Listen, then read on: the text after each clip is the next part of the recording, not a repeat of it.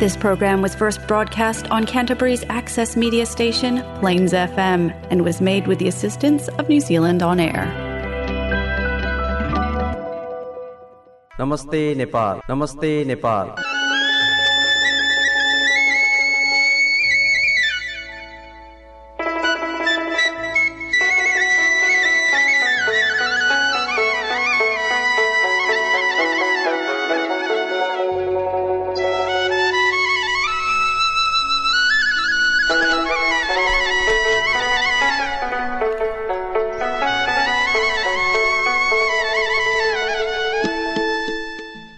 नमस्कार। Plains FM ninety six point nine मेगाजमा यो हो क्राइसिसवासी नेपालीहरूको आफ्नै कार्यक्रम कार्यक्रम नमस्ते नेपाल।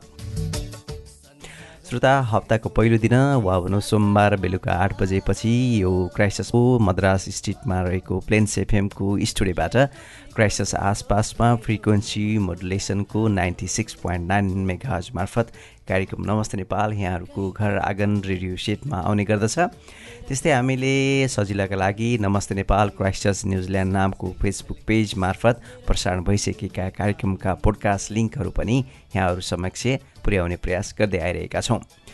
श्रोता यहाँहरूले क्राइसिस आसपासमा न्युजिल्यान्डभर वा भनौँ संसारको जुनसुकै स्थानमा रहेर पनि पेन्सेफएम dot O R G dot एनजेडमा गएर नमस्ते नेपाल र एफएम मार्फत प्रसारण हुँदै आइरहेका सामुदायिक रेडियो र सामुदायिक रेडियोसँग जोडिएका विभिन्न भाषाका कार्यक्रमहरूको विषयमा पनि जानकार हुन सक्नुहुनेछ।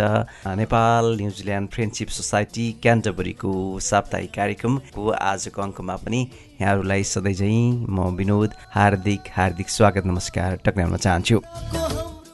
बिस्तारै हामी नोभेम्बर महिनाको पनि अन्तिम अन्तिम चरणमा आउँदै गर्दाखेरि डिसेम्बर महिनापछि त अध्ययन अनि काम सिलसिला पछिका विधाका मौसमहरू पनि लगभग सुरु हुने गर्दछन्। त्यस्तै तयारी र त्यसको कार्ययोजना यहाँहरूले बनाउँदै गर्नुभएको छ भन्ने मेरो विश्वास रहेको छ। विद्यालय र अब पारिवारिक घुमघाम र भेटघाटका लागि पनि बाहिरिने वा भनौँ न्युजिल्यान्डभित्रै पनि सफर गर्ने तयारीहरू यहाँहरूले पनि गरिरहनु भएको छ भन्ने विश्वास रहेको छ र त्यसकै कार्ययोजना यहाँहरूले बनाइ नै सक्नुभएको छ होला जस्तो लाग्छ। यद्यपि यो अलि पछिको कुरा भयो अब अहिले तातो र हाम्रो नजर र हाम्रो जिज्ञासाभित्र परिरहेको प्रतिनिधि सभा र प्रदेश सभाको निर्वाचनको पनि लगभग त्यसको नतिजा छाँडकाँड अब आउन लागिरहेको छ। निर्वाचनको मतगणनाको अन्तिम अन्तिम चरणमा पुग्दै गर्दाखेरि सरकार कसरी बन्ने भन्ने तौर तरिकाहरू सुरु भइ नै सकेका छन्।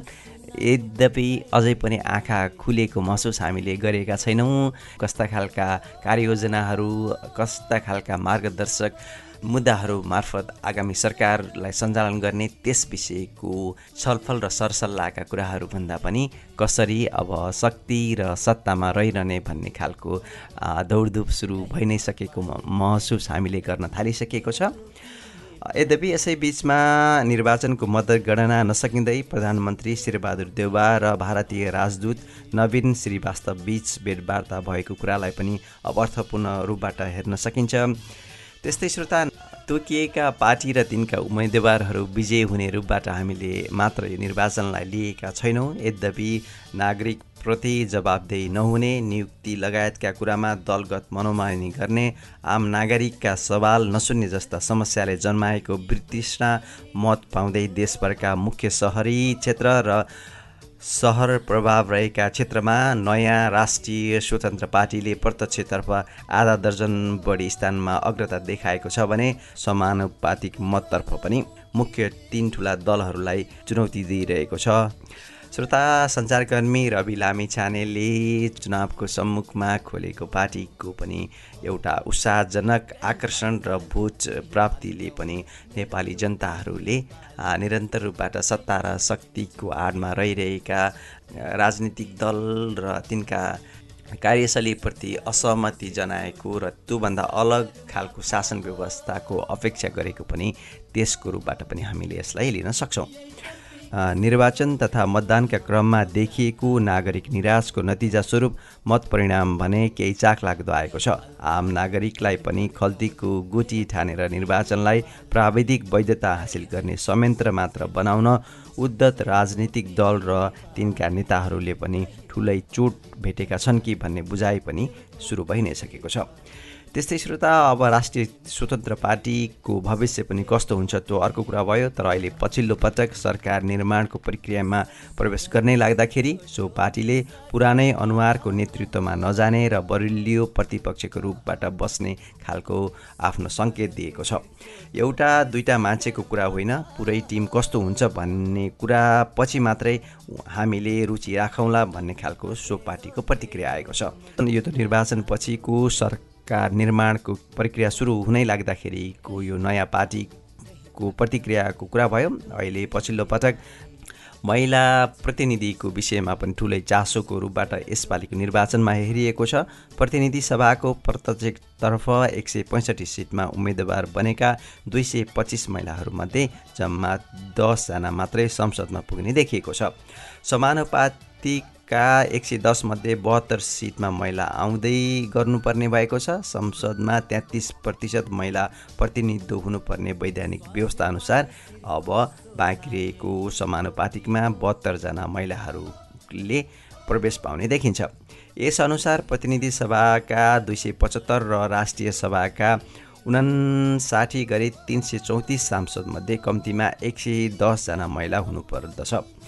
यो निर्वाचनमा दलहरूले महिलालाई उपेक्षा गरेर झिनो सङ्ख्यामा मात्र टिकट दिएका पनि थिए। उनीहरूमध्ये अधिकांश पराजित भए। अब अपुग महिलाहरूको सङ्ख्या समानुपातिकबाट पुर्याउनु पर्ने भएपछि एक सय दसजना महिलाहरूको संसद प्रवेशको ढोका खुलेको रूपबाट पनि लिन सकिन्छ।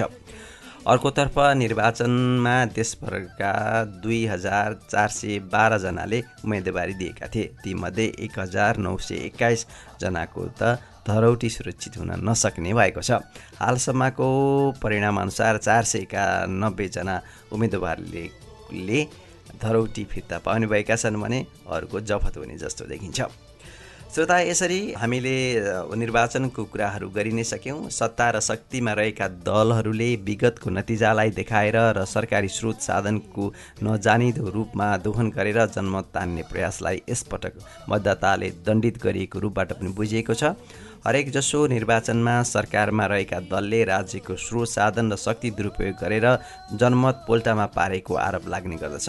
हुन पनि चुनाव आफ्नो पक्षमा पार्न सरकारमा भएका दलहरूले सुरक्षाकर्मीदेखि प्रशासन मतदान अधिकृत समयलाई दुरुपयोग गरेका कैयौँ तथ्य र प्रमाणहरू बाहिरिएका छन् र चुनावमा मतदाता वा आफ्नो जनमतलाई मुद्दाको आधारमा भन्दा पनि गठबन्धनको आधारमा तान्ने प्रयास गरिएको छ जसलाई जनताले नरुचाएको जस्तो देखिन्छ। यसरी श्रोता निर्वाचनको पेरिफेरीमा रहेर मैले यी प्रसङ्गहरू उठाएर नमस्ते नेपालको आजको यात्रा सुरु गर्ने प्रयास गरेको छु। अब भने एउटा मिठो गीत प्रस्तुत गरिसकेपछि अब यहाँहरूलाई बाँकी रहेका प्रसङ्ग जोड्ने नै छु। रेलको बाटो पुग्दैछ रे। रेलको बाटो पुग्दैछ रे। तिमी बस्ने सहारामा। हुम्ला कहिले मोटर आउला हुम्ला कहिले मोटर आउला बसाको सुरहारामा ए हजुर बसाको छु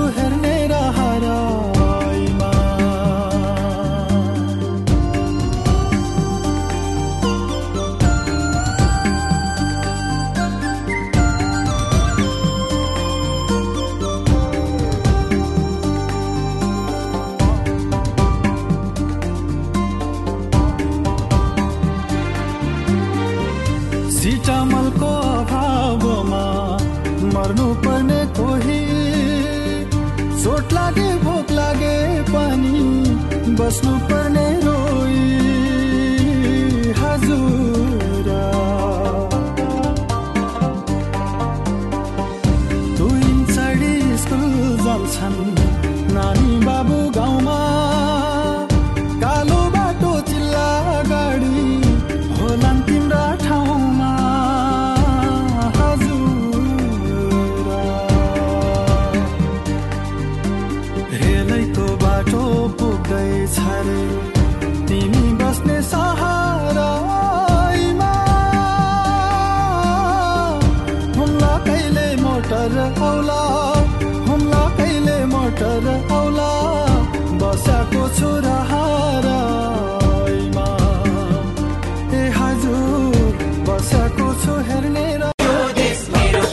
तपाईँहरू सुन्दै हुनुहुन्छ।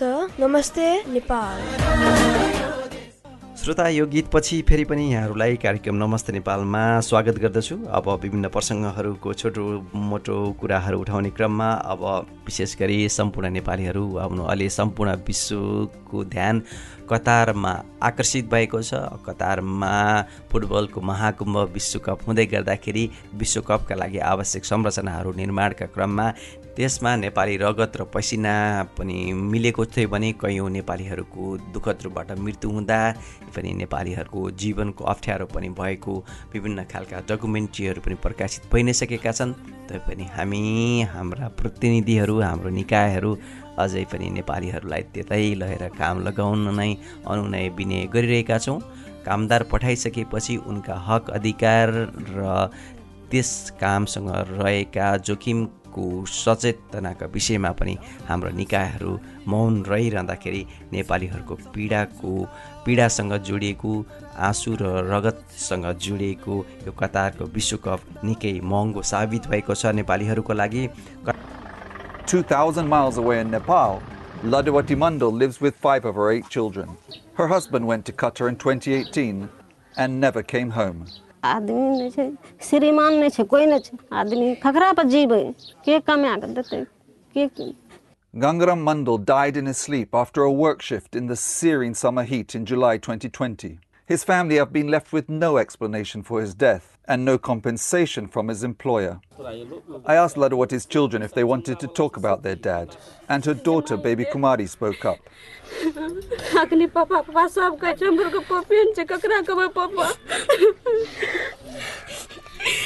कतारमा विश्वकपका लागि रङ्गशाला र अन्य विश्वकप तयारीका लागि आठ वर्षको अवधिमा करिब एक्काइस सय नेपाली मजदुरहरूको मृत्यु भएको तथ्य बिबिसीको डकुमेन्ट्रीले साम सार्वजनिक गर्दा पनि हाम्रो आधिकारिक निकायबाट भने केही त्यसको विषयमा प्रतिक्रिया नदिनु साह्रै नै हामीलाई चित्त नबुझ्दो कुरा हो।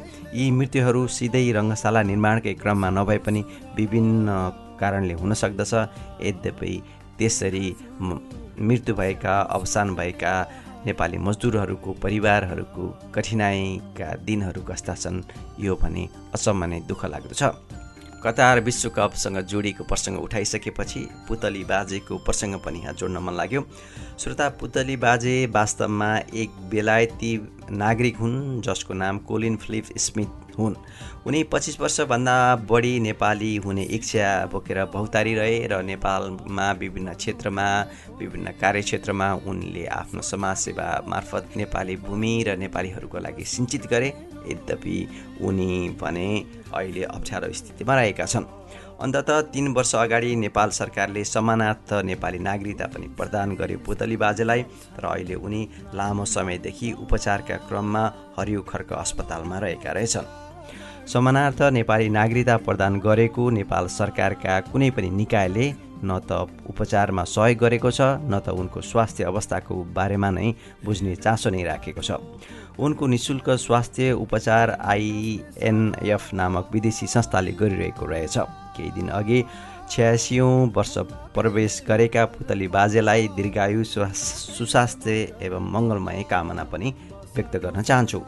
तर श्रोता जन्मदिनमा शुभकामना दिन पुगेकाहरूलाई उनले धेरै वर्ष बाँच्ने शुभकामना भने नदिनु भनेर अनुरोध गरेका कुराले पनि हाम्रो मन छुन्छ नै। श्रोता बेलुका आठ बजेदेखि Plains FM ninety six point nine मेघाजमा प्रसारण भइरहेको कार्यक्रम नमस्ते नेपालमा। हामी यस्तै खालका हामी नेपालीहरूसँग सम्बन्धित रहेका सचेत चेतनाका यस्तै खालका खबरहरू हामी समावेश गर्दै आइरहेका छौँ। त्यस्तै हामीले मिठा मिठा नेपाली गीत सङ्गीतहरू पनि सुन्ने सुनाउने प्रयास गर्दै आइरहेका छौँ। यो विदेशी भूमिमा रहेर पनि आफ्नै भाषाका कुराहरू अनि आफ्नै भाषाको गीतको एउटा रेडियोको फ्रिक्वेन्सीबाट सुन्दाको मजा पनि अर्कै खालको हुन्छ। यस्तै प्रयासस्वरूप नमस्ते नेपालको यो रेडियो यात्राको सान्दर्भिकता छ। भन्ने महसुस हामीलाई पनि भइ नै रहेको छ र यहाँहरूको साथको पनि हामी सहृदयताका साथ कृतज्ञता व्यक्त गर्न चाहन्छौँ। श्रोता अब एउटा अर्को फेरि गीत प्रस्तुत गर्नुभन्दा अगाडि अब यहाँहरूलाई पनि थाहा भइ नै सकेको छ सामाजिक सञ्जालमा चर्चा कमाएको अमेरिकी फोटोग्राफर कितिया पावलोस्कीले नेपालमा खिचिएको भनेको हिउँ चितुवाको तस्विर अहिले फेक भएको भन्ने तथ्य बाहिरिएको छ। यो चितुवाको फोटो सार्वजनिक भएसँगै नेपाल स्थित अमेरिकी दूतावासको आधिकारिक फेसबुक पेज मार्फत समेत उक्त तस्विर प्रकाशित भएको थियो र उक्त फोटो अहिले नेपाल लगायत विभिन्न क्षेत्रमा भाइरल भइसकेपछि फोटोको आधिकारिकता चेक जाँच गर्ने एउटा फ्रान्सेली वेबसाइटले सो फोटोलाई फोटोसप गरिएको र त्यो नेपालमा खिचिएको भनेको हिउँ चितुवाको तस्विर चाहिँ वास्तविक नरहेको चाहिँ तथ्य सार्वजनिक भएपछि अहिले त्यस्तै खालका खबरहरू बाहिर सकेका छन्।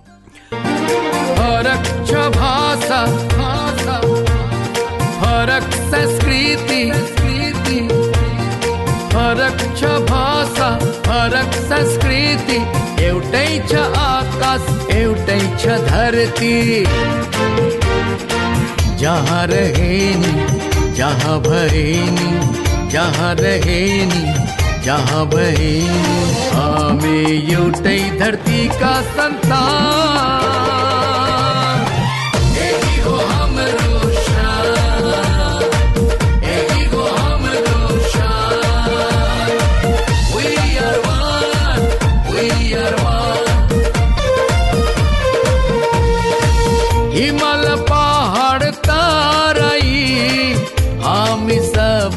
दाजु भाइ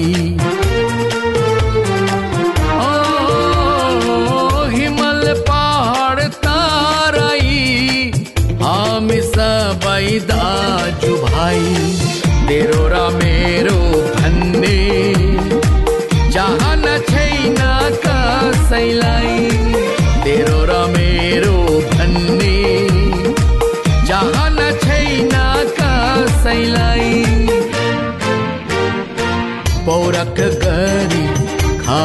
हाम्रो पौरख गरी खाने हाम्रो हामी सबको एउटै छ पहिचान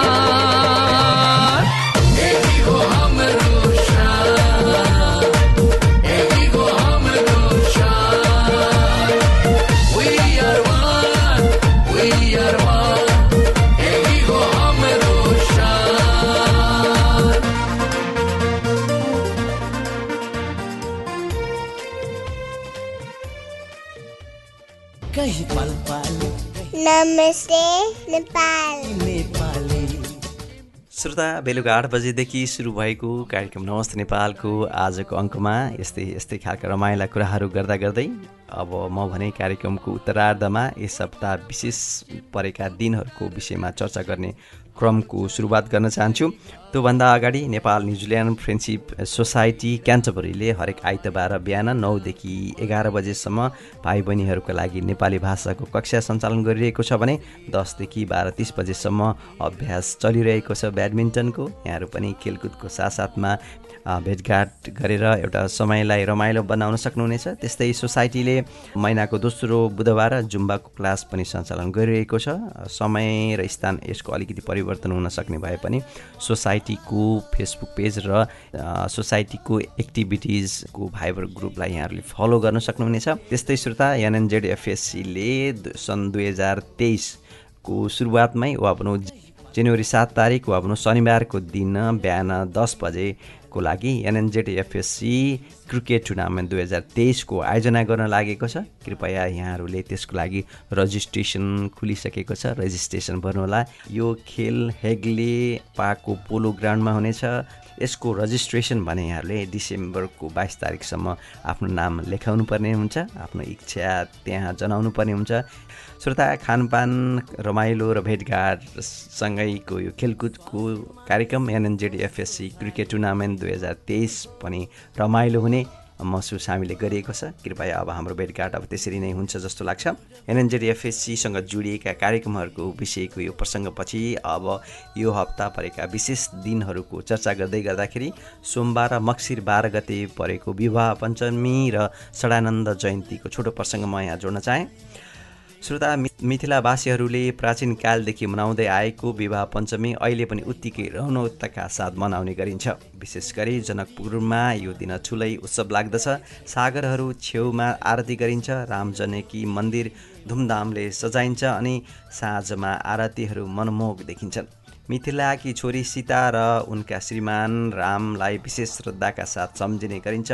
उनीहरूको कृतिको गुणगान गाइन्छ। यो दिन त्रेतायुगमा अयोध्याबाट राम आएर मिथिला राज्यको राजधानी जनकपुरबाट राजकुमारी सीतालाई विवाह गर्नुभएको दिनको रूपबाट पनि लिन्छ जसलाई विवाह पञ्चमीको रूपबाट पनि हामीले मनाउँदै आइरहेका छौँ। त्यस्तै श्रोता सोही दिन षडानन्द जयन्ती पनि परेको छ र नेपालमा प्रसिद्ध समाजसेवी आवल ब्रह्मचारी साधु तथा शिक्षा प्रेमी षडानन्द अधिकारी अर्थात् बाला गुरु षडानन्दको जन्म यसै दिन भोजपुर जिल्लामा भएको थियो वा भनौँ मक्सिर बाह्र गतिको दिन भोजपुरको दिङ्लागढीमा विक्रम सम्बत उन्नाइस सय बयासी सालमा बालागुरु षडानन्दको जन्म भएको थियो। उनले पूर्वी नेपालमा शिक्षाका लागि गरेका पहलहरू अतुलनीय रहेका छन्। राणा शासनका कारण नेपालमा सर्वसाधारण जनताका छोराछोरीहरू पढ्ने भन्ने थिएन। अत्यन्त सीमित व्यक्तिहरूले मात्र विद्यालयसम्म जान पाउँथे। त्यो समयमा भोजपुरमा संस्कृत पाठशाला निर्माण गरेर गुरु षडानन्दले पूर्वी नेपालमा शिक्षाको बिउ रोप्नु भएको थियो। अत्यन्त दुःखले शिक्षा आर्जन गर्नुभएका षडानन्दले आफ्नो जीवनमा कठोर तपस्या गरेर योग साधना अष्टाङ्ग योग साधक तथा पूर्वीय दर्शनका ज्ञाताको रूपबाट आफूलाई स्थापित गराउनु भएको थियो। उनलाई कठोर तपस्यापछि दैवी शक्तिको उपहार पनि मिलेको विश्वास गरिन्छ। बालागुरु षडानन्दलाई श्री एक सय आठको उपाधि समेत दिइएको थियो। उनको सम्मानमा भोजपुर जिल्लामा एउटा नगरपालिकाको नाम षडानन्द नगरपालिका समेत राखिएको छ भने सम्मानस्वरूप विक्रम सम्बत दुई हजार एकाउन्न सालमा नेपालमा उनको नाममा हुलाक टिकट समेत प्रकाशन गरिएको थियो। भोजपुरमा सती प्रथाको अन्त्य छुवाछुतको विरोध गरेर गुरु षडानन्दले समाज सुधारमा पनि ठुलो योगदान गर्नुभएको थियो र मक्सिर बाह्र गतेलाई पनि षडानन्द जयन्तीको स्मरण गर्दै यी सबै उनीद्वारा गरिएका कामहरूको पनि स्मरण गर्ने गरिन्छ। त्यस्तै श्रोता यो हप्तामा नै हामी सन् दुई हजार बाइसको अन्तिम महिना डिसेम्बर महिनामा प्रवेश गर्नेछौँ। सामुदायिक स्वास्थ्यको हिसाबले विश्व एड्स दिवसको रूपबाट पनि एक डिसेम्बरलाई मनाउने गरिन्छ। नेपालमा एचआइभीको प्रथम सङ्क्रमण सन् उन्नाइस सय अठासीमा देखिएको थियो र नेपालमा अहिले चालिस हजार सात सय तेइसजना मानिसहरू एचआइभी भएको अनुमान गरिएको भए पनि त्यसको चाहिँ वास्तविक सरकारी रेकर्ड भने छैन। अर्कोतर्फ न्युजिल्यान्डमा एचआइभी एड्सको तुलनात्मक रूपमा कम प्रकोप छ भन्दा पनि हुन्छ। एचआइभी एड्ससँग बाँचिरहेकाहरूको सङ्ख्या तिन हजारको आसपासमा रहेको देखिन्छ। विश्वव्यापी रूपमा लिने हो भने सन् दुई हजार एक्काइसको अन्त्यसम्ममा अडतिस दशमलव चार मिलियन मानिसहरू एचआइभी एड्ससँग बाँचिरहेका छन्। विश्वभर पन्ध्रदेखि उनपचास वर्ष उमेरका वयस्कहरू एचआइभीसँग बाँचिरहेका छन्। एक डिसेम्बरमा पर्ने विश्व एड्स दिवसको यो प्रसङ्ग सँगसँगै बेलुका आठ बजेदेखि सुरु भएको कार्यक्रम नमस्ते नेपालको आजको बसाइ लगभग यति नै। श्रोता बिस्तारै चल ए जिन्दगी अझै केही ऋण तिर्नु बाँकी छ? बिस्तारै चल ए जिन्दगी अझै केही ऋण तिर्नु बाँकी छ? केही पीडा मेट्नु बाँकी छ? केही कर्तव्य पुरा गर्न बाँकी छ। हतारमा त चल्नाले कोही रिसाए कोही छोडेर गए। हतारमा चल्नाले कोही रिसाए कोही छोडेर गए। रिसाएकालाई फकाउनु अझै बाँकी छ। रोएकालाई हँसाउन अझै बाँकी छ। बिस्तारै चल ए जिन्दगी। अझै केही ऋण तिर्न बाँकी छ।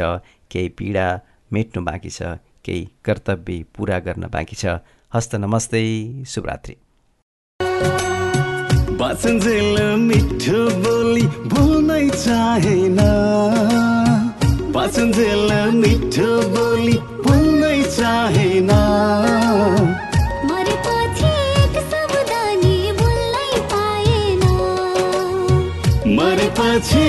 शब्द नि बोल्नै पाएन।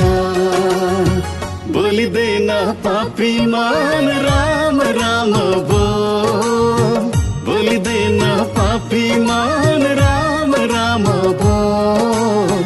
जिन्दगीको छैन मोल राम नाम बोल। जिन्दगीको छैन मोल राम नाम बोल।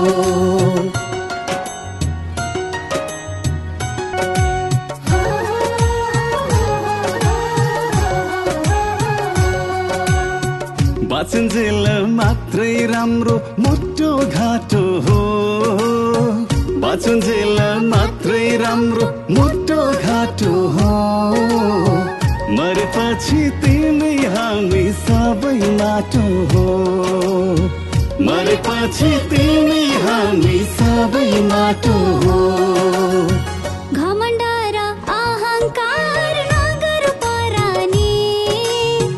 घमण्ड परानी जतिमै हुँ भने पनि हुन्छ खरानी। जतिमै हो भने पनि हुन्छ खरानी। नमस्ते नेपाल नमस्ते नेपाल।